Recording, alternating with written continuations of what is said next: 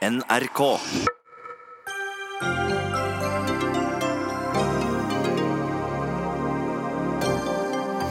Det har brutt ut kronikkrig mellom Venstre og Frp.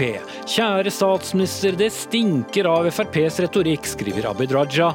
Dersom Venstre har et problem med å sitte i regjering med oss, så får de ta konsekvensen av det, sier Siv Jensen. Carl Erik fra Venstre møter Karl Ivar fra Frp i Dagsnytt 18. Regjeringen vil fjerne pensjonstillegg til uføre fordi det skal lønne seg å jobbe lenger. Et usosialt kutt fra en regjering som mislykkes i å få folk til å jobbe lenger, hevder Arbeiderpartiet. Saken er biff, trodde kjøttelskerne da universitetet i Oxford slo fast at det ikke er nødvendig å slutte å spise kjøtt for å stabilisere temperaturøkningen. Beklager, den biffen er fortsatt et klimaproblem, kontrer politisk redaktør i Dagens Næringsliv. Og én ring skal samle dem alle. NTNU planlegger en egen ring til elever som har tatt mastergrad, som blir beskrevet som sjukt harry.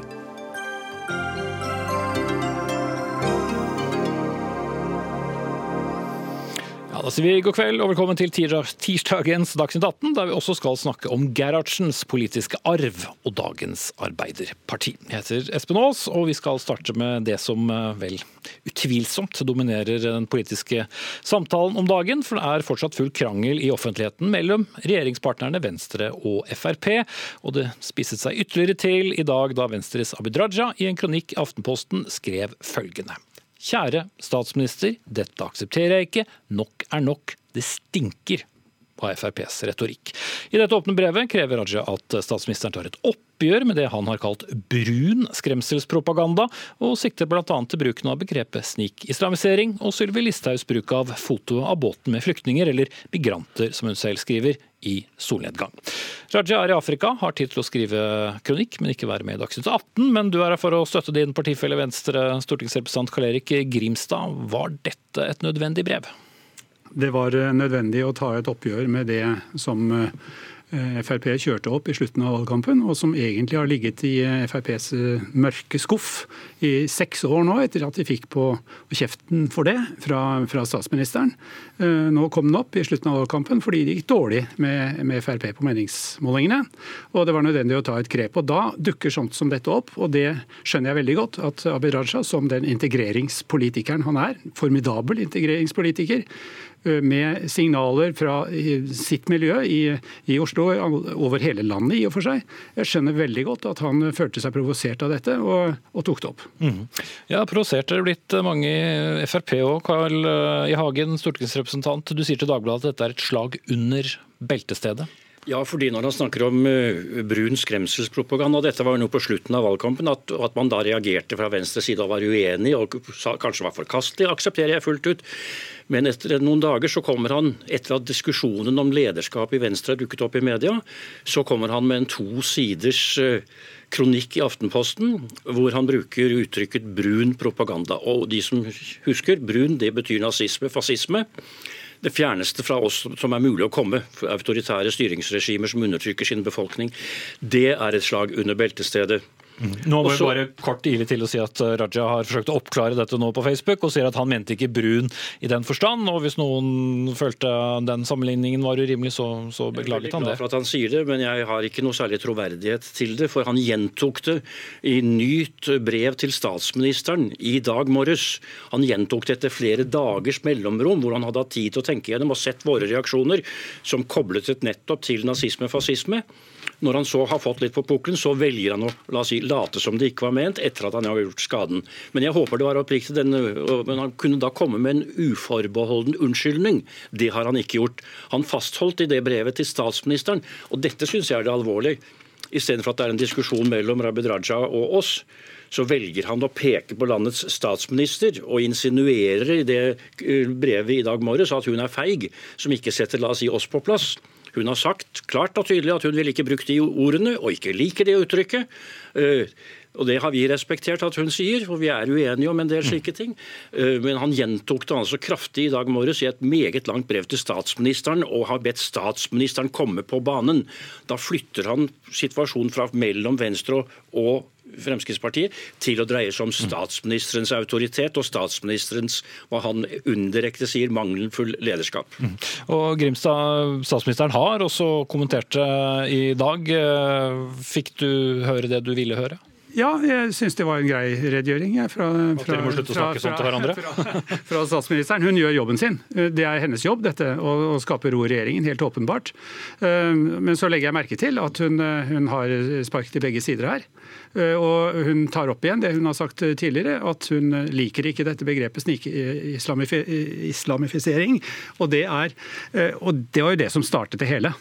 Men er det nødvendig å gå så til frontalangrep på hverandre i kronikksform? Ja, for, for, i etterkant eh, av det første utspillet da, så, så, er det jo noen som hekter dette direkte på, på Abid Raja. Og det er jo en form for herskerteknikk som jeg syns er helt uh, forkastelig. Det, han, han, Abid Raja har en genuin Eh, et genuint engasjement i denne saken. Det, er, det har vel Frp som, også, med sin ja, ideologi og politikk? Ja, men nå snakker vi om integrering. Eh, og det er få som har bedre greie på dette feltet enn, eh, i Norge enn en Abid Raja. Og han, og han, det viser han hele tiden, og han viser det innad i Venstre. Og Venstre har stor respekt for ham når det gjelder dette, poeng, når det gjelder dette temaet. Det har kommet enda en kronikk, da, bare for å ha sagt det. Partifelle Jon Helgheim skriver i Aftenposten og i ettermiddag at Raja med dette har skapt den største polariseringen i norsk politikk siden krigen. Er vi der? Ja, Jeg er helt enig med Helgheim i det. fordi dette uttrykket brun skremselspropaganda, det ligger det så mye dynamitt i. Og han velger å gjøre det flere dager etter den første kronikken. Uh, over la oss si, igjen nye to sider. Han kommer og fører små barn foran seg. Han, og Det er blitt en polarisering som ikke jeg har, jeg har opplevd mange sånne polariseringer i min tid som politiker i 40 år. Men, men, den temperaturen han valgte å skru opp etter at valgkampen var over, og etter at partilederdebatten i Venstre er i gang, hvor han er nevnt som en av de tre som ligger foran. Og det er klart, Hans behov for å markere seg syns jeg at dette tyder på at det også har noe med partilederjobben i Venstre å gjøre. Så har jo partileder Siv Jensen sagt at eh, Venstre må jo ikke på dødlev sitte i regjering med Fremskrittspartiet heller? Burde Nei, altså jeg respekterer jo at i Venstre er det en, en, del mennesker som syns det var galt at Venstre gikk inn i regjering. Samme, samme som det har vært i Fremskrittspartiet, noen som har vært uenige at vi skulle gå i, i regjering. Jeg syns den avtalen i 2013 var for dårlig men sa ingenting i det offentlige rom, nettopp for å ikke skape vanskeligheter. Så der vil det være i flere partier eh, at det kommer opp, og at både i Fremskrittspartiet, Venstre og for så vidt KrF og Høyre også vil være interne drøftelser nå fremover, når vi har alle fire gjort et dårlig valg, og se om er det fornuftig av oss å være i regjering og bare markedsføre regjeringens politikk og ikke vår primærpolitikk. Jeg mener vi må få mye større grad av frihet til å markedsføre vår primærpolitikk. Jeg kan jo nevne at Vi kunne jo vært en skikkelig klimadebatt. Da hadde vi styrket vår rolle vis-à-vis deler av Høyre og eh, Arbeiderpartiet. Og Venstre hadde styrket sin rolle vis-à-vis MDG og SV. Eller heller eh, e-, eget klima. Nå sier jo din partileder Trine Skei Grande, som reiser tidligere hjem fra Island enn planlagt, at eh, det bør være en diskusjon om partiet bør fortsatt være i regjering eller ikke. Er det en det er, noe, det er, jo ikke noe hemmelighet det, at det har foregått en diskusjon i, i partiet Venstre om hvorvidt vi, være, hvorvidt vi, skal være, i regjering eller ikke. Men vi tok, det, vi tok stilling til det spørsmålet. Og, og, vi som sitter sentralt da, på Stortinget og i regjering, har forholdt oss til det og, og, og kjører den skuta videre. Og som Trine Skei Grande sa i dag, Venstre sitter i regjering, regjering inntil vi ikke sitter i regjering. Det er det samme situasjonen som er i Fremskrittspartiet. Vi skal også ha en evaluering. Vår partileder Siv Jensen har tatt til orde for en eh, evalueringsprosess som de sikkert skal drøfte på sentralstyret på, på fredag. Og så er det klart at vi Utover høsten så har vi budsjettbehandlingen i Stortinget, som av og til skaper litt problemer. Og vi ser på meningsmålinger, så spørsmålet om, om det er klokt å være i regjering og bare være bundet på hender og føtter, det tror jeg vil bli et tema for våre respektive sentralstyrer og landsstyrer når vi kommer til januar-februar. Mm. Burde Frp sitter i regjering frem til neste valg? Nå bør vi fortsette å gjøre det beste ut av det. Vi får gjennomslag for en god del ting. Og så har vi store tap på andre ting, og det vet alle som følger med. At noen seire får du, og noen tap får du. Spørsmålet er er helheten det fornuftige? Det tror jeg vi må, må, må tenke igjennom, og i alle partier. Og så må vi stille spørsmålet, hvis vi bare styrer videre som ingenting har skjedd ved dette valget på Granavolden-erklæringen, tror vi at Fremskrittspartiet får mer enn 10% i 2021, Høyre mer enn 20 og de to partiene KrF og Venstre får over 4 får over 4 Hvis svaret på det er nei, det tror vi ikke, da må vi gjøre noen endringer. Vi må endre en taktikk som medfører at det går den gærne veien. Da skal jeg si takk til si, Carl og Carl og ønske velkommen til Co. Men i hvert fall deg, Jan Tore Sanner, nestleder i, i Høyre. Uh, ja, Du ønsket ikke å gå inn i diskusjonen med, med disse to, to, herrene. Sier det litt uh, sitt om, om, hvor hyggelig det er mellom regjeringspartiene om dagen? I regjering har vi det bra. Vi gjennomfører mye god politikk. Både på skolesiden, på integreringspolitikken og helsepolitikken. Det er ikke alle som får det med seg? Eh, nei, eh, og, og, det er derfor eh, både mitt og Høyres klare budskap er at nå må vi sette strek og komme, komme videre. Jeg syns denne debatten egentlig karakteriserer litt av utfordringen. fordi at nå sitter man og diskuterer karakteristikkene istedenfor å diskutere politikken. Mm, men det er jo litt med politikken nå, når eh, Frp da i slutten av valgkampen velger å bruke de virkemidlene og de ordene, da, eh, som vi gjerne sier, eh, som da Venstre reagerer på. Men burde, vi ikke tatt, eller burde ikke de snarere tatt det oppgjøret? Jo, og Derfor var også statsministeren av Høyre veldig tydelig at eh, vi var uenig i eh, Siv Jensens bruk av eh, begrepet snikislamisering. Det hører ikke hjemme i den norske virkeligheten. Det er ikke et riktig ord å bruke. Det bidrar også til en stigmatisering. På samme måte som Abid Rajas kronikk, også hvor han besvarer en politisk uenighet med stigmatisering og karakterisering. Og Det gjør at da diskuterer du ikke politikk politikken og politikkens innhold. Hvordan kan vi få til bedre integrering? Hvordan kan vi få til mer inkludering? Statsministeren var tydelig overfor Fremskrittspartiet i valgkampen, og det er all mulig grunn til også å være tydelig overfor Abid Raja, fordi at den type eh, stempling og karakterisering det bidrar ikke til bedre integreringspolitikk. For Ordbruken til Raja nører oppunder at det dreier seg om rasisme, mens øh, ordbruken til enkelte Frp nører opp oppunder iallfall meningen til en del mennesker. Så, eh, jeg mener jo at vi skal, en, eh, vi skal, ha en, ordentlig, ryddig og skikkelig debatt om hvordan vi kan få til bedre integreringspolitikk. Hvordan kan vi få til bedre inkludering. Det er vi også enige om, de, de fire, fire, partiene. Men det vi har opplevd eh, både med Fremskrittspartiets utspill i valgkampen, som Erna var tydelig ute og sa at Høyre er uenig, men også Abid Rajas karakterisering, da, blir, da, da, skygger du for debatten. Mm. Og Derfor er jeg glad for at Abid Raja i dag har sagt at det var uklokt. Eh, også at Fremskrittspartiet, at eh, Venstres ledelse har, har, sagt at nå må vi sette, sette strek. Og og den type ord og begreper og stempling det bidrar til en avsporing av, av debatten. Så jeg opplever nå at, at, alle de fire partiene er enige om at vi må sette strek. Og det må man av og til gjøre. Så må du sette strek, du må komme videre. Og så må vi gjøre det oppdraget, det oppdraget vi har fått fra, fra velgerne. Som bl.a. er å få sammen et budsjett. Men nå sier jo både Carl I. Hagen at de må få diskutere videre regjeringsdeltakelse. Det samme tar man ordet for eh, i Venstre, så helt rolig blir det vel ikke? Det er helt naturlig at alle partier diskuterer det fra tid til annen. Vi våknet jo i dag til Politisk kvarter hvor Senterpartiet og SV satt og diskuterte hvem de ville sitte i regjering med og hvem de ikke ville sitte i regjering med. Så det må man regne med når du har Men Dere hadde jo liksom valgt, da, og, og, skal sitte sammen? Ja da, eh, og vi har jo nå jobbet sammen i seks år. Eh, og vi har tenkt å vinne også neste, neste valg.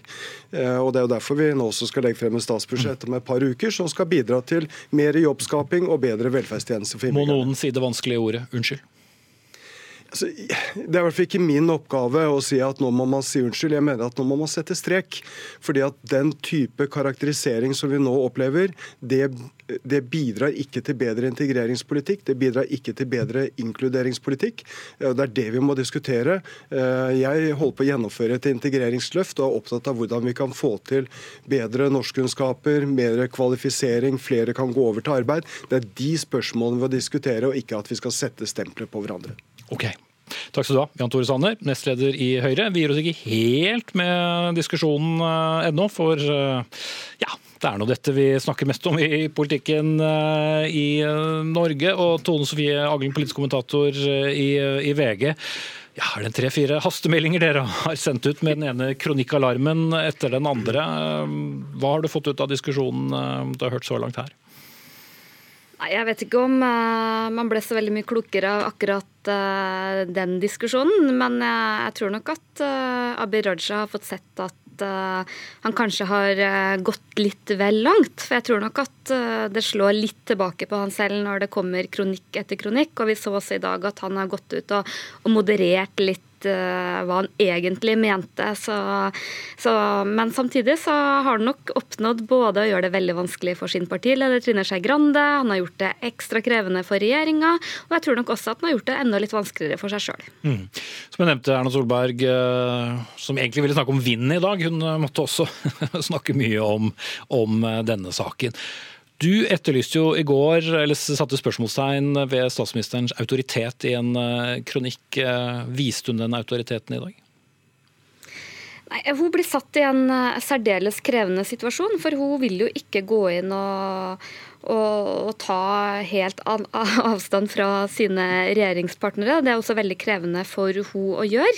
Men eh, jeg tror at uh, Abid Raja og Venstre tar litt uh, feil. For det, jeg tror ikke deres hensikt er å, å skade regjeringa. Jeg tror ikke Venstre på noen som helst måte ønsker å gå ut av regjering nå. Men til syvende og sist så er det Erna Solberg, hennes autoritet som statsminister og deres evne til å lede regjeringa sammen som blir satt under press med så mange diskusjoner. Og vi opplever jo det nå, at eh, det blir et stadig nytt nivå av eh, uro og bråk. Eh, og man kan nesten lure på om regjeringa til slutt har blitt immune mot det.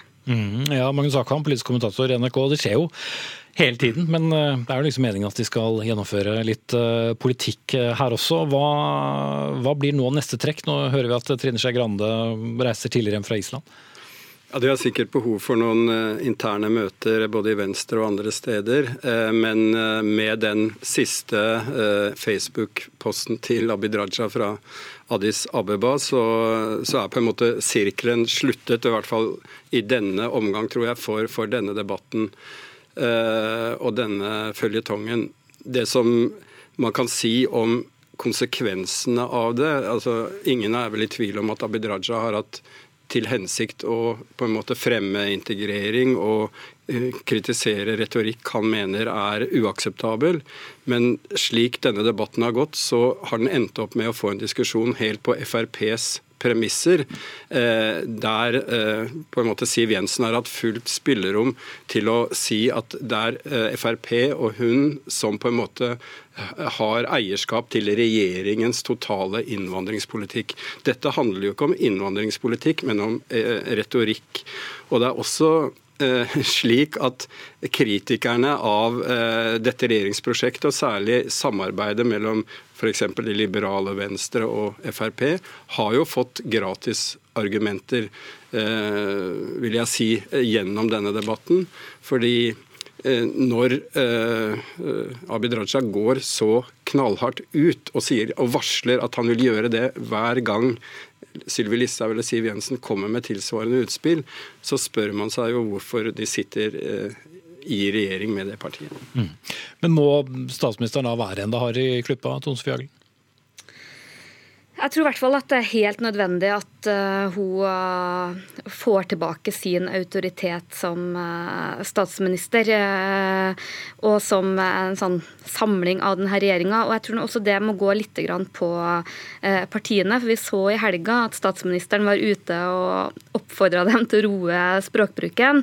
Og, det førte jo bare til at det eskalerte videre. Så det var jo som å helle bensin på bålet. Og vi, vi må jo ikke glemme med litt hukommelse at Abid Raja var jo faktisk en av de Venstre som var mest ivrig på å gå inn i regjering med Frp.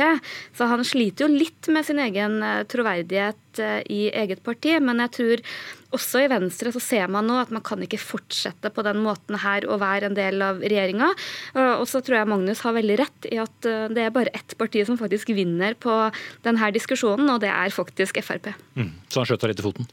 Ja, det kan du si. Og det eh, som vi hørte litt tidligere fra Carl I. Hagen i debatten, er jo en oppskrift som i hvert fall jeg vil si er veldig dristig hvis den blir fulgt opp, nemlig at i denne firepartiregjeringen, der bl.a. Frp og Venstre har gjort det veldig dårlig så, i valget, så, så, er hans oppskrift, så vidt jeg forsto, at partiene må få lov til å spille ut sin primærpolitikk enda mer enn i dag. Og Det er jo litt i tråd med liksom, Siv Jensens tidligere konsept om samarbeid i koalisjonsregjeringer, der man skal ha klare seire og ikke ulne kompromisser. Og det er klart, Med, med det sprengstoffet som er politisk internt i denne regjeringa, så tror jeg det er en dødslinje, for å si det slik. Skal man greie å overleve, så må man ha på en måte eh, en annen strategi mellom disse fire partiene. Mm. Tone Sofie Aglen, til slutt. Eh, blir det nå den store diskusjonen om regjeringens eh, overlevelsesevne videre, eller blir det nå først og fremst få inn med et budsjett og være samlet? Eh, jeg tror nok at eh, med å gå så langt som det Abid Raja har gjort, eh, så tror jeg nok at han har berga regjeringas videre liv nok en gang. Men jeg tror nok alle partiene ser at det nivået av offentlige konflikter som de har hatt, det kan ikke vedvare dersom de skal ha noe som helst troverdighet framover. Mm. Så sier vi takk til dere, Tone Sofie Aglen, politisk kommentator i VG, og Magnus Akvam, politisk kommentator her i NRK. Dagsnytt 18 alle hverdager kl 18.00 på NRK P2 og NRK2.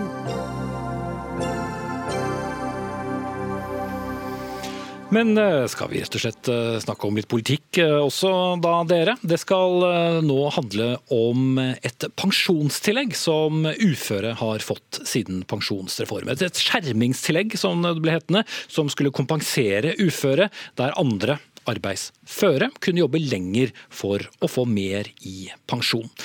Men nå eh, blir det etter alt sannsynlig slik at de som er født i 1954 eller senere, ikke får dette tillegget. Og Arbeids- og sosialminister Anniken Hauglie til Dagens Næringsliv i dag så sier det at dersom vi skulle fortsatt med denne ordningen, så kunne det gi uføretrygd opptil 50 000 kroner mer i årlig alderspensjon enn en yrkesaktiv som pensjonerer seg tidlig i 60-årene. Hvordan henger dette sammen? Det henger, det er som du sier, I 2011 så eh, foreslo den forrige regjeringen et midlertidig skjermingstillegg for fem eh, årskull. og Det var rett og slett fordi man da ikke visste helt hvordan pensjonsreformen ville slå ut. altså Hvor mye lenger de arbeidsføre kom til å jobbe. Og så sa Stortinget samtidig at, eh, at det var viktig at de uføres alderspensjon sto et rimelig forhold til de arbeidsføres alderspensjon, og ba også da regjeringen komme tilbake igjen til Stortinget med en ny vurdering om hvordan denne utviklingen var.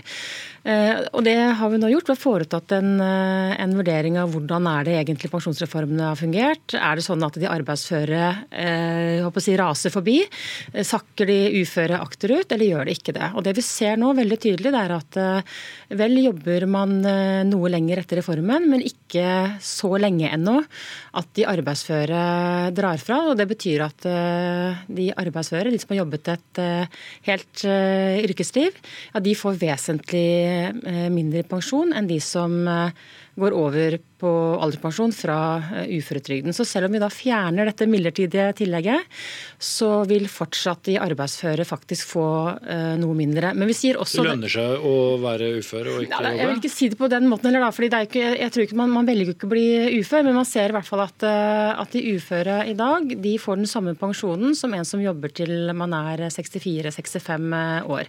Men vi sier også veldig tydelig i den, i den høringsnotatet vi har sendt ut nå, at det kan nok godt tenkes at det vil måtte bli behov for det når pensjonsreformen virker litt lenger. Husk at eh, pensjonsreformen i offentlig sektor har jo, er jo akkurat blitt vedtatt. Det hørtes veldig vinglete ut. Skal man legge til tillegget og så ta det vekk? Det, det, kan tenkes på et senere tidspunkt, men man vet ikke, man vet ikke verken eh, om eller eventuelt når det skal være. Og Da har man åpnet for det, men nå, per nå så er det ikke nødvendig med det skjermingstillegget, som også for så vidt jeg tror den forrige regjeringen var usikker på, i og med at man da lot det bare være for eh, fem årskull. Mm. La oss hente noen fra den forrige regjeringen. Hadia Tajik eh, fra Arbeiderpartiet, nå første nestleder i arbeids- og sosialkomiteen.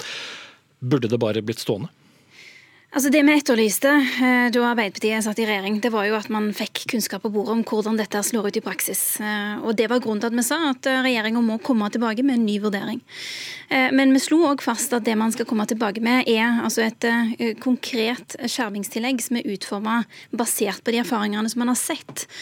Og det vi jo ser at høyreregjeringa gjør i stedet, det er bare å kutte skjermingstillegget flatt vekk.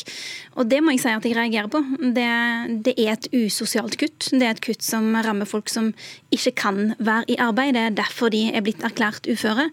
Eh, og det som egentlig er saken her, er at det er arbeidsføre seniorer som har lyst og vilje til å jobbe, men som altså ikke får muligheten til å stå lenger i jobb. Eh, det har vært regjeringa sin ambisjon, og høyreregjeringa sin ambisjon, helt erklært fra Sundvolden-erklæringen at de vil at flere eldre skal kunne være lenger i jobb, og det har de ikke lykkes med. Mm. Og, så derfor så er det vel anvendte penger å fortsette å ha dette det de, det de burde gjort, var jo å sørge for at eh, de eldre som har lyst til å jobbe, får muligheten til å jobbe.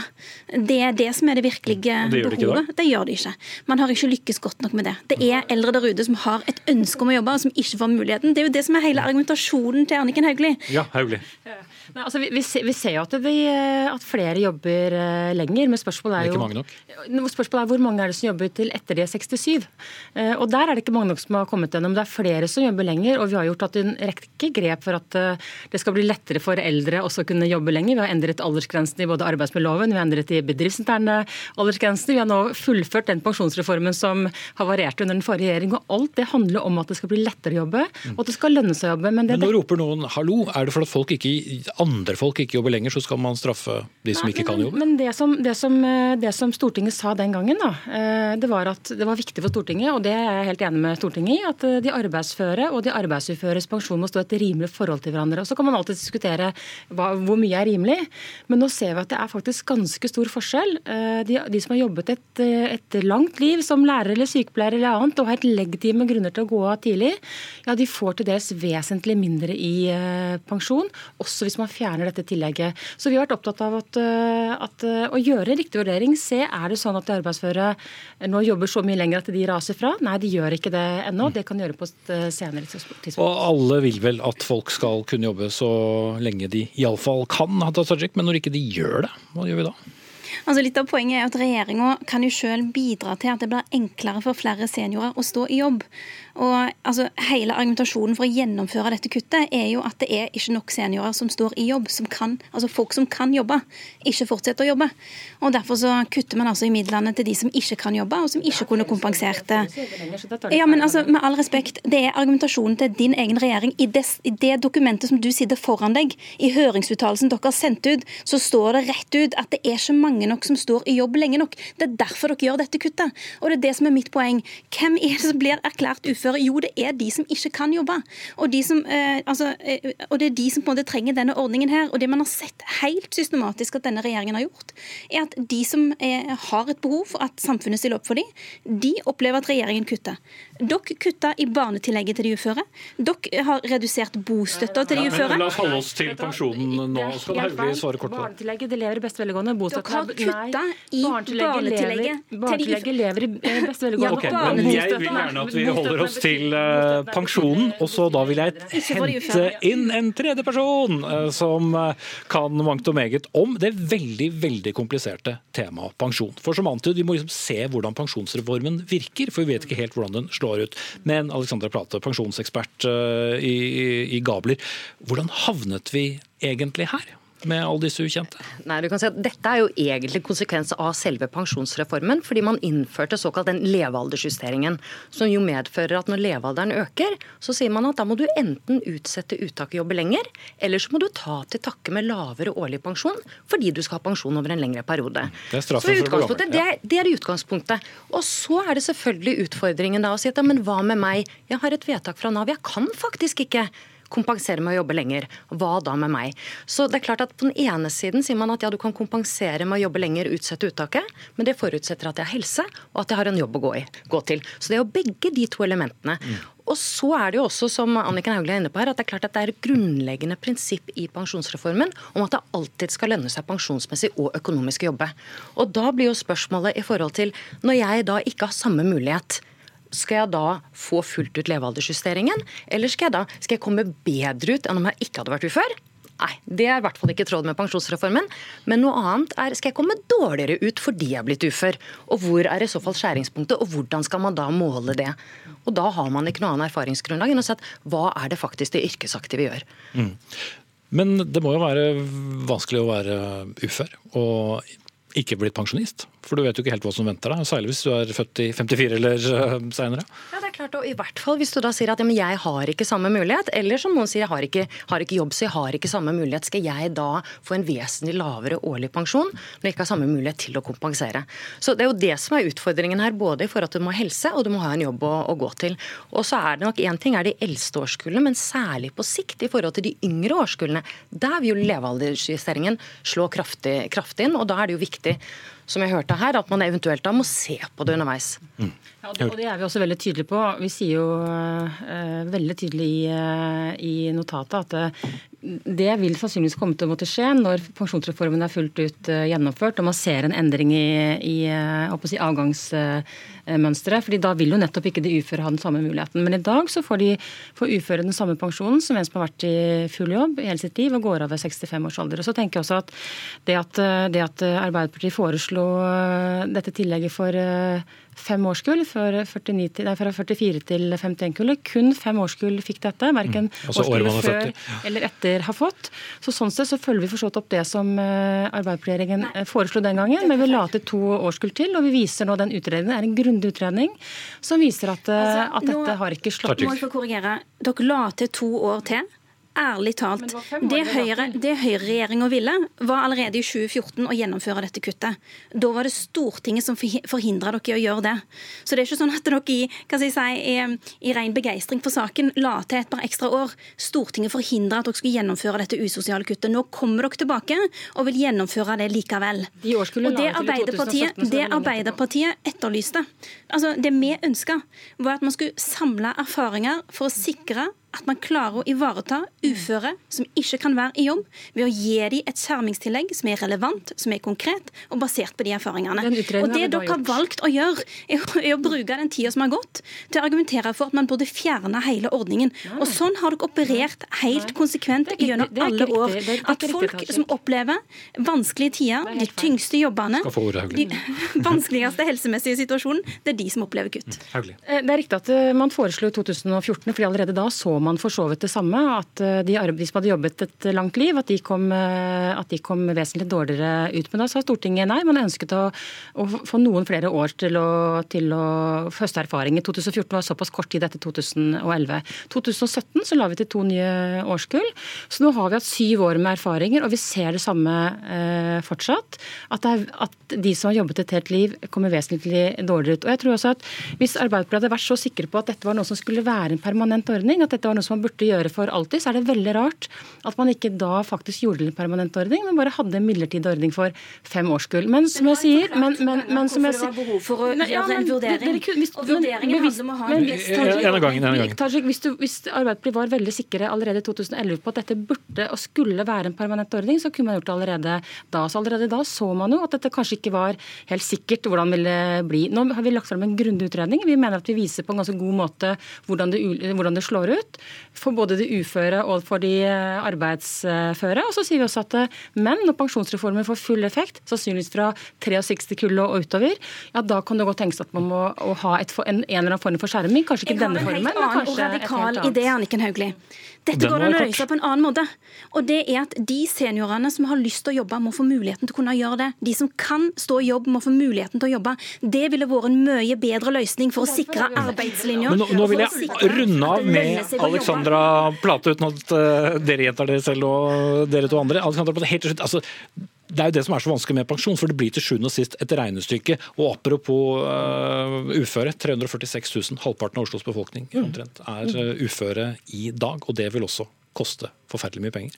Det vil det, og samtidig, men det er klart at det som er vanskelig her, er jo nettopp det med dilemmaet i forhold til når jeg ikke har samme mulighet til å kompensere. Og Da er det jo også interessant å se på, når man ser på hva de yrkesaktive gjør, og ser at hvis du frivillig slutter i en alder av 60 eller 62 år, er det da helt frivillig at du slutter, eller er det andre årsaker til du slutter?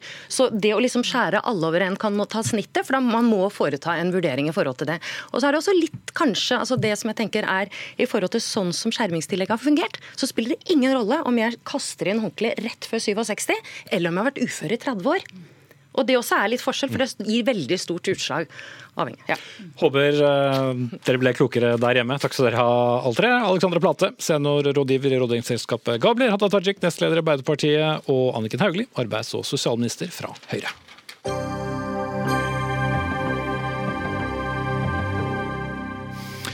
Saken er biff.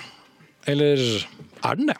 Aftenpostens kommentator Joakim Lund skrev på fredag nemlig at biffen ikke er en klimaversting likevel, og viste til en rapport fra universitetet i Oxford og satte i gang en debatt på ny. Han har takket nei til å komme til oss i dag, og sier han har sagt det han vil om saken, men det er flere som vil tale kuas sak, deriblant deg, Ole André Myhrvold, som stortingsrepresentant for Senterpartiet og sitter i energi- og miljøkomiteen på Stortinget. Denne rapporten Oxford sier, fra Oxford sier altså at vi fortsatt kan spise kjøtt, men at vi ikke må spise noe mer i dag. Hvorfor det? Den, eh, fordi at uh, de konstante klimagassutslippene fra røvtyggerne er, de er konstante hvis man opprettholder mengden dyr. Eh, og Det er det rapporten, rapporten, sier. Og så er det sånn at det er mye kortere levetid på de klimagassene som dyra eh, slipper ut, altså metan, enn det er på CO2 f.eks. Mm. Derfor er, er det det kan vi spise kjøtt med bedre samvittighet, ifølge denne rapporten. Men nå mener jeg uansett at det er en avsporing av klimadebatten å fokusere mer på de naturlige klimagassutslippene og mat enn det er på de menneskeskapte industrielle utslippene. Mm. Kjetil Beaseheim, politisk redaktør i DN, du har ikke frikjent eh, biffen? Eh, nei, det har jo ikke forskningen heller. Eh, det, det, dette handler om er forskjellen på ulike klimagasser. Det er jo forskjellige gasser som påvirker klimaet. CO2 er eh, den store synderen, men du har også andre, bl.a. metan, som kua slipper ut i, i begge ender. Ja, pra, pra på rump. Ja. Promp. Og den, den, er riktig, det er en, er en, mer kortlivet gass, altså den brytes ned, men CO2 bygger seg opp over tid. Og det er, det er en viktig forskjell. Men, og det gjør jo da at hvis du hvis utslippene av metan er, er, like store hele tiden, så vil ikke det liksom, øke eh, oppvarmingen. Men det er fortsatt en oppvarmingseffekt av de det utslippsnivået vi er på nå. Og Problemet for verden er jo at oppvarmingen er altfor høy, og den må ned. Og da må den også ned ved at man kutter i metanutslippene. Og Noe av det som er konklusjonen i den rapporten, er jo at raske kutt i utslipp av metan vil ha positiv effekt for klimaet. Og det er jo dårlig nytt for kua. Men er ikke det Det er jo ingen som er uenig i at vi trenger raske, raske kutt. Det må bare ikke gå utover kua? Nei, men det må jo på en måte eh, For det første så er drøvtyggeren er jo litt annerledes. For det første er vi forplikta til å bruke de eh, naturressursene hvert enkelt land har for å brødfø egen befolkning. Det er også en del av FN-måla for å stoppe sult. Eh, I Norge så er det naturgitt forutsetning at det er mye grasareal. Der er det naturlig å ha drøvtyggere.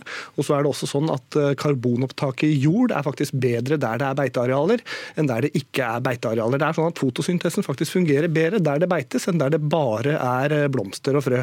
Sånn er det også, og det må også tas med i et regnestykke. Og så tror jeg ikke vi skal sitte her og, og moralisere over eh, fredagstacoen eller kjøttkaka som folk har på bordet hjemme. Det tror jeg folk utmerket godt klarer å regulere sjøl. Eh, og så kan det godt hende at hver enkelt av oss bør spise mindre kjøtt av hensyn til helsa, men det er en helt annen diskusjon. Eh, og så tror jeg at vi må komme inn på klimatiltak som virker, og da handler det om de industrielle grepa. I Norge handler det om elektrifisering av sokkelen via offshore havvind. Det handler om CO2-transport. Eh, ja, jeg tror vi kan, kan, kan listen. Men Alsheim, det er kanskje ikke først og fremst den norske kua som heller er den store synderen? Eh, den norske kua, altså eh, altså norsk rødt fe, som er en kombiku, som vi både først får melk og så får, får kjøtt fra den etterpå, den er av de bedre hvis du ser globalt sett. Så, så det er bra. Det, mange av oss vil jo fortsatt ha melk og yoghurt og ost og, og litt storfekjøtt i ny og ne. Og det da at den kua er så klimavennlig som mulig, er positivt. Men det er fortsatt sånn at det er mye bedre for klimaet om du dropper eh, noen storfemåltider og går over til fisk, og at du øker mengden du spiser av grønnsaker og frukt og korn og belgvekster. Dette med, med beiteareal, som eh, Myhrvold er innom, det er også omstridt fra, fra eh, noen forskere, norske forskere som skrev om dette i forskning.no tidligere i år. Og det, det som er interessant med Senterpartiet, er at, at er, de er, partiet er mest opptatt av å kjempe mot at man skal gjøre noe med, for å gjøre norsk kosthold mer klimavennlig. Det begynte da FNs klimapanel kom med 1,5-gradersrapporten i fjor høst. Og det har fortsatt, selv om det er kommet flere rapporter som sier akkurat det samme, nemlig at verden trenger et mer klimavennlig kosthold. Mm. Ja, dette er feil. Senterpartiet er enige om at også landbruket skal ta sin del. og landbruket mm. Dette var en kjapp måte å gjøre det på. De har jo inngått en avtale, eh, men jeg tror ikke at det å gå inn, som Alstheim også sier, den norske kua er faktisk en av verdens mest klimavennlige drøvtyggere. Eh, og det skal vi fortsette å utvikle. Vi skal fortsette å utvikle på avl, på fôr eh, osv. som gjør den kua klimavennlig. Eh, men det er jo interessant å høre dag, Dagens Næringslivs redaktør Nei, den blir ikke en fisk, men det er jo ganske interessant at, at redaktøren i Dagens Næringsliv, en avis som ofte prediker det globale, da vil jeg spørre Alstein om det er sånn at hvis han mener at den norske kua er av verdens mest klimavennlige kuer, så bør man vel kanskje stoppe eksporten av verdens mest klimavennlige klimaverste biff fra Argentina f.eks. Er det en politikk som Dagens Næringsliv vil støtte opp om? Det ene for at man eh, legger kostnader på utslipp eh, på alle, på alle, utslipp, både på transport og på kjøttproduksjon, sånn at du får, får, riktige økonomiske insentiver, som det heter. Det som er interessant med en omlegging, hvis folk i Norge spiser mindre kjøtt og mer fisk, er jo at de går da fra en, en eh, matvare som må subsidieres tungt over statsbudsjettet, til en matvare som er lønnsom i seg selv. Så det vil være sunt både for kloden, for folks helse og for det norske statsbudsjettet. Jeg mener at den norske kua har eh, en plass i det norske eh, mat- eller husholdningsregnskapet.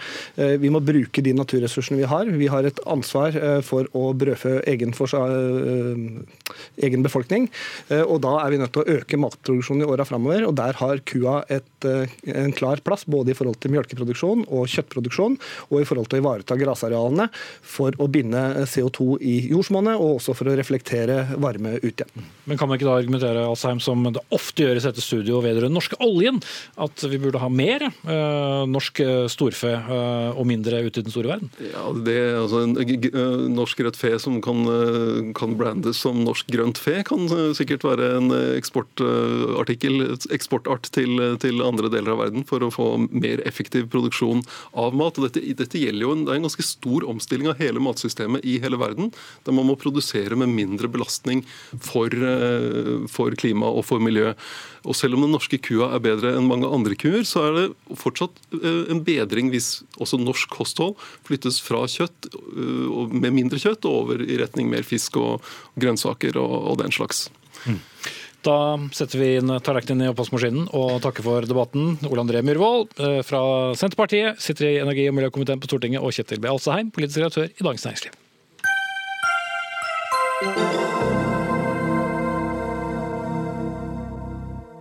Var et arbeid som gikk forholdsvis smertefritt. Vi hadde ingen egentlige problemer. Og nådde altså fram til enighet om et forslag som i tur og orden så ble godkjent av alle de politiske partiene. Men det var altså da et program som ble akseptert av alle partier, fra Høyre og til Kommunistpartiet. Ja, Denne karakteristiske stemmen som vi hørte her, eh, og som snakket om samlingsregjeringen 1945, kjente nok eh, mange igjen. Altså Dere som ser sending på fjernsynet så han vi også, men dere som hørte på radio, kjente sikkert igjen Einar Gerhardsen. Og nå på søndag så startet dokumentarserien Einar med undertittelen 'Fattiggutten som ble Norges statsminister', laget av Erling Borgen her på NRK. Einar Gerhardsen han var jo statsminister i 17 år, og mye har selvsagt vært skrevet og sagt om eh, denne mektige politikeren som preget politikken både før og etter, verden, andre, før og etter andre verdenskrig. Og Mimir Kristiansson, eh, forfatter og kommunestyrerepresentant for partiet Rødt i Stavanger. Du har selv skrevet om Gerhardsen, og i en tosiders kronikk i din gamle avis Klassekampen skriver du i dag den politiske arven etter Einar Gerhardsen er sterk kost også for det ledende sjikt i dagens Arbeiderparti. Hva betyr det? Veldig enkelt så er det å si tre ting om Gerhardsen. Han er en radikal sosialist. Han drømmer om det klasseløse samfunn. Han er en eh, tilhenger av planøkonomi, som nesten ingen er i dag. Og i tillegg er han altså en, eh, en, representant for at klassen, at det arbeidende folk, skal dominere politikken i Norge. Og dette finner man jo lite av eh, selv i mitt parti, men eh, man finner jo iallfall eh, ingenting av det, dessverre, i deler av Arbeiderpartiet i dag. Ja, Kjersti Stenseng, partisekretær i Arbeiderpartiet, og således må si å representere dette ledende sjiktet. Er arven etter Gerhardsen best i dokumentarer og bøker? Nei, på ingen måte. De, det er fantastisk å se den eh, dokumentaren til Erling Borgen og de visjonene som Gerhardsen hadde for samfunnet. Det at alle skulle ha like muligheter, det at folk skulle slippe å stå med lua i hånda. Eh, solidariteten den eh, lever i beste velgående. Men det er slik at eh, dagens eh, samfunnsutfordringer krever litt andre politiske svar enn det både førkrigs- og etterkrigstida gjorde. Og Det er jo der jeg mener Mimir driver med nostalgisk historiefortelling, når han tror at eh, Og jeg mener også at den undervurderer Gerhardsen, fordi at Gerhardsen var en politiker for si tid, og det tror jeg han hadde vært i dag òg. Han ville gitt andre politiske svar i dag som hadde vært tilpassa dagens utfordringer. Mm. Ja, Planøkonomi driver de vel med helt andre kanter av verden, for så vidt. Kristiansson. Men hvilke deler av Gerhardsen, som vel døde da du var et år gammel, burde vi sett i, i dagens Arbeiderpartipolitikk? Altså, for det første så levde Gerhardsen gjennom nesten et helt ordre, Og alle, gjennom hele et ordre mente han nesten det samme. Sånn at det er ikke riktig at Gerhardsen var sånn eh, omskiftelig politiker som tilpassa seg den nye tid. Det er helt feil. Gerhardsen hadde en, et ideal, en idé, som han omskifta metodene knytta til, men han var helt sikker på det samme som når han begynte, som når han slutta. Og så Når det er sagt, så er det jo følgende. Vi står jo overfor en klimakrise. Vi står overfor en eh, høyrepopulisme både i Europa og Norge som er veldig skremmende. I alle disse eh, katastrofene vi potensielt kan møte, så tror jeg vi er enige om i Norge at vi savner Arbeiderpartiet, og vi savner arbeiderbevegelsen. Og Det er dette Gerhardsen har stått for, og vi som kommer fra andre partier, kan jo bare respektere at Arbeiderpartiet har en særegen posisjon i norsk historie. Vi må likevel si det Gerhardsen sto for, det han representerte, det er det altså ikke mulig, syns jeg, å se spor av i det Arbeiderpartiet driver med i dag. Og det er jo akkurat det jeg og mange med meg skulle ønske at vi hadde i dag. Hvilke særtrekk eh, har dere med dere? Sensing? Jeg er helt uenig med Mimir i det. og med Det er rørende å høre at han sier at han, så, at han savner Arbeiderpartiet. Eh, og jeg synes det er veldig spesielt, fordi at eh, kampen for at alle skal ha en jobb å gå til, kampen for å redusere forskjellene mellom folk, kampen for at hun skal ha et, en velferdsstat og en offentlig velferd som skal være der for alle sammen, den står veldig sterkt i den politiske debatten i dag. Og Det er de utfordringene som jeg tror Einar Gerhardsen bransjen ville være opptatt av. Og så eh, vi må være ærlige her, for Mimi Kristiansson var ordførerkandidat for partiet Rødt i Stavanger ved dette valget. her. Og Han er opptatt av å skrive en historie der Gerhardsen passer inn i Rødts historiefortelling. Og Hvis jeg skal være så freidig som Mimi er og tillate meg å, å mene om hva Gerhardsen ville ment i dag, så tror jeg at han ville synes det var dønn useriøst. Det er dramatisk, og det er i strid med arbeidsfolk sine interesser å avvikle olje- og gassnæringa innen 2030, si opp EØS-avtalen, avskaffe den private eiendomsretten debatten. Eh, men Mimir Kristiansen har en interesse til å skrive Einar Gerhardsen inn i det som passer best fra Rødts eh, synspunkt. Kristiansen. Altså, Jeg skal ikke vikle meg inn i den der eh, smålige debatten om Gerhardsen er best i Rødt eller best i Arbeiderpartiet. Det er helt åpenbart Einar Gerhardsen i dag. Han ville stemt på Arbeiderpartiet. Vi kan være ferdig med den debatten med en gang. Men følgende har skjedd i Norge. De 30 siste årene har forskjellene økt. De øker år for år for år blir de rike rikere og de fattige fattigere. Dette er det motsatte av hva som ville skjedd når Gerhardsen styrte. For eksempel arbeidslivet i dag, veldig åpenbart, og jeg er sikker på at du er enig med meg, Kjersti, i det, det er jo at arbeidslivet i dag gjenintroduserer en del av de løsarbeidermodellene som Gerhardsen og hans folk var enormt opptatt av å avskaffe. Sånn at jeg tror ikke, og jeg er sikker på det, at de ideene som Gerhardsen hadde, de er viktige både for Arbeiderpartiet, for Rødt, for Senterpartiet, for, ja, for alle disse partiene som er på den rød-grønne sida. Men, men, jeg tror ikke samfunnet beveger seg i den retningen som Gerhardsen ville ønske, og det tror jeg vi alle sammen kan være enige om at, eh, ja, at det, det bør ikke være sånn. Ja. Han døde for 32 år siden, så vet du ikke helt hva han ville sagt. Nei, men Det er jo nettopp derfor eh, eh, oss kjemper for eh, og eh, Nå ser vi bemanningsbransjen i norsk arbeidsliv, som jeg tror Gerhardsen ville være imot, som Arbeiderpartiet er dønn imot. Kampen for at du skal få markedskreftene ut av eh, eldreomsorgen vår, av den offentlige velferden vår.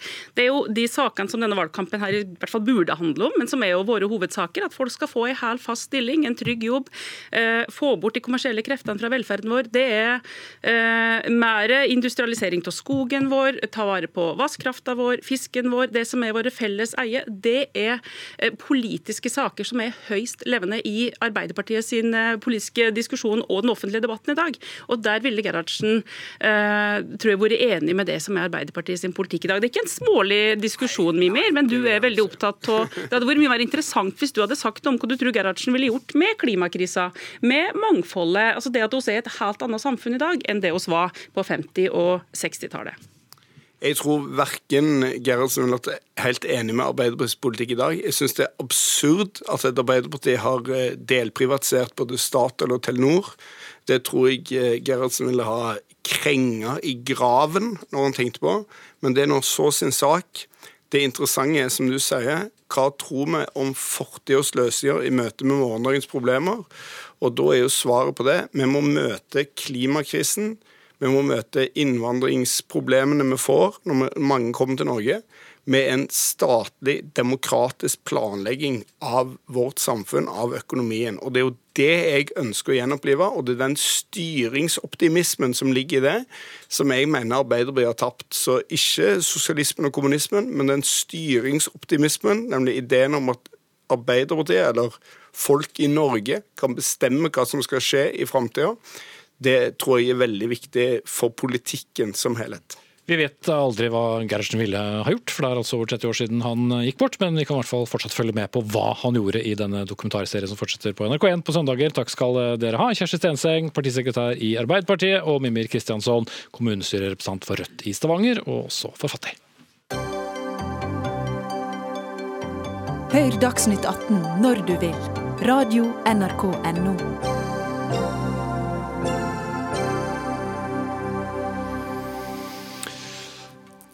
Kanskje slutter vi ringen i denne delen av sendingen, for nå skal også studenter som har fått fullført mastergrad ved Norges teknisk-naturvitenskapelige universitet, NTNU, få smykke seg med sin egen ring, slik sivilingeniører og doktorgradsuteksaminerte har gjort tidligere. Men eh, en egen masterring, det er sjukt harry, skriver du i Dagbladets skråblikkspalte på kornet. Olav Magnussen eh, Ryddig, hvorfor er det så harry å vise at man har fått en grad? Grad? Nei, altså jeg mener det er noe, noe unorsk og egentlig ganske jålete over at en av eh, Norges mektigste og mest privilegerte yrkesgrupper, altså da sivilingeniørene, da, eh, nærmest sånn eh, eh markerer seg, eh, rituelt markerer seg med gullringer eh, for å vise omverdenen hvem de er, hvor de kommer fra. Eh, og jeg får litt sånn vibber av sånn brorskapsmentalitet, eh, som egentlig gir seg da uttrykk i et faktisk smykke. Eh, og det, både for ingeniører og for andre, syns jeg er ganske vulgært, eller da på godt norsk harry. Ja, vi har en vulgæring i studio. Lise Lyngsnes Randaberg, du er president i Tekna, med doktorgradsring på fingeren. Hvilke assosiasjoner får du av ringen? Nei, altså, Ringen min, hver gang jeg ser på den, så tenker jeg at wow, jeg klarte faktisk å fullføre den doktorgraden. For meg handler det om eh, stolthet, og at jeg klarte å fullføre et langt og tungt studium. Definitivt. Mm. Men uh, doktorgrad er én ting, en uh, master er uh, litt mindre. Ja, men flere bør få smykke seg, bokstavelig talt. Jeg tenker at har man lyst til å gå med ring, så gå med ring. Hvorfor skal andre legge seg opp i det? Det handler jo om identitet, det handler om eh, symbolikk. Vi går med gifteringer, vi går med bunad som forteller hvor vi kommer fra. Hvorfor kan vi ikke også bruke en ring som forteller hvilken skole vi har gått på? Ja, og så kan det jo være en uh, icebreaker i sosiale sammenhenger. Å, er du også master uh, til, Eller har du også en master, har du også en doktorgrad? Gjør det noe? Altså, jeg kjenner veldig mange sivilingeniører, eh, og de jeg kjenner har ikke så lite å prate om eller så lite å komme med at de trenger en ring på fingeren for å bryte isen for å si et eller annet interessant.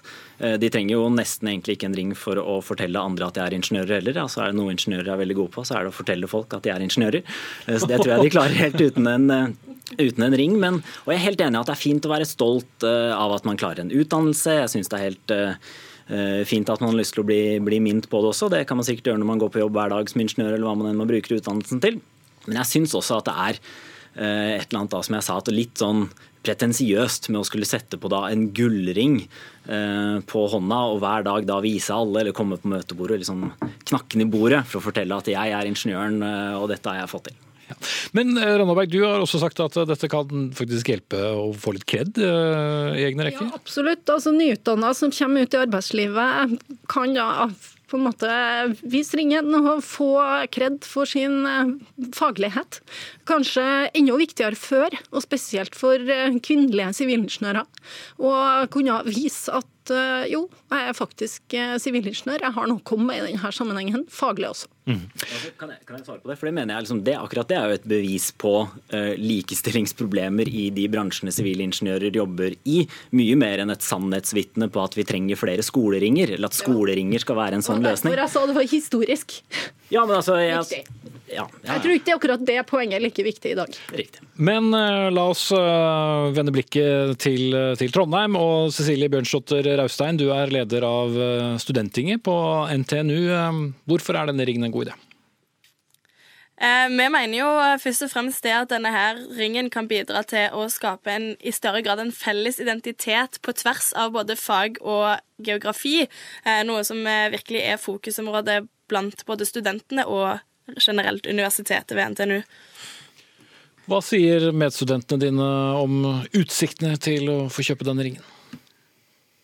Eh, det har egentlig ikke vært så veldig kontroversielt. Eh, egentlig så tror jeg de fleste tenker det at eh, de som vil kjøpe ringen, de kan få kjøpe ringen. Og så selger også bokhandelen på campus ryggsekk med NTNU-logoen hvis andre heller har lyst til å vise sin tilhørighet via det.